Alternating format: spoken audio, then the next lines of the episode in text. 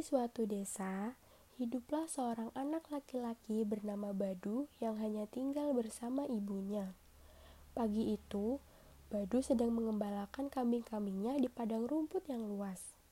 Sembari menunggu kambingnya makan, Badu memanfaatkan waktunya untuk membaca buku di bawah pohon rindang.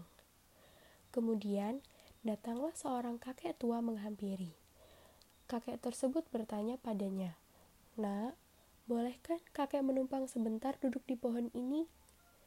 Tentu Badu mempersilahkan, juga menawarkan minuman yang ia bawa. Badu terlihat asyik membaca buku tersebut hingga tidak menyadari jika kakek tadi memperhatikannya. Kamu tidak sekolah, nak?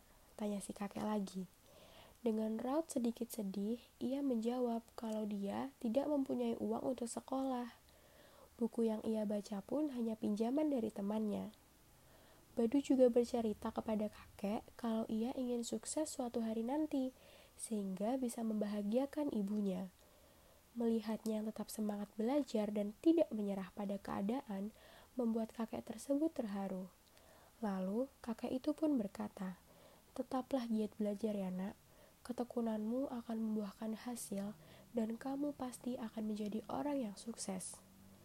Keesokan harinya, ketika Badu ingin pergi merumput, ibunya berteriak kepadanya dan mengatakan bahwa ia diterima di sebuah sekolah untuk belajar. Lalu, mereka bergegas pergi ke sekolah yang dimaksud. Alangkah terkejutnya Badu ketika mengetahui bahwa kepala sekolah tersebut adalah kakek yang ditemuinya kemarin.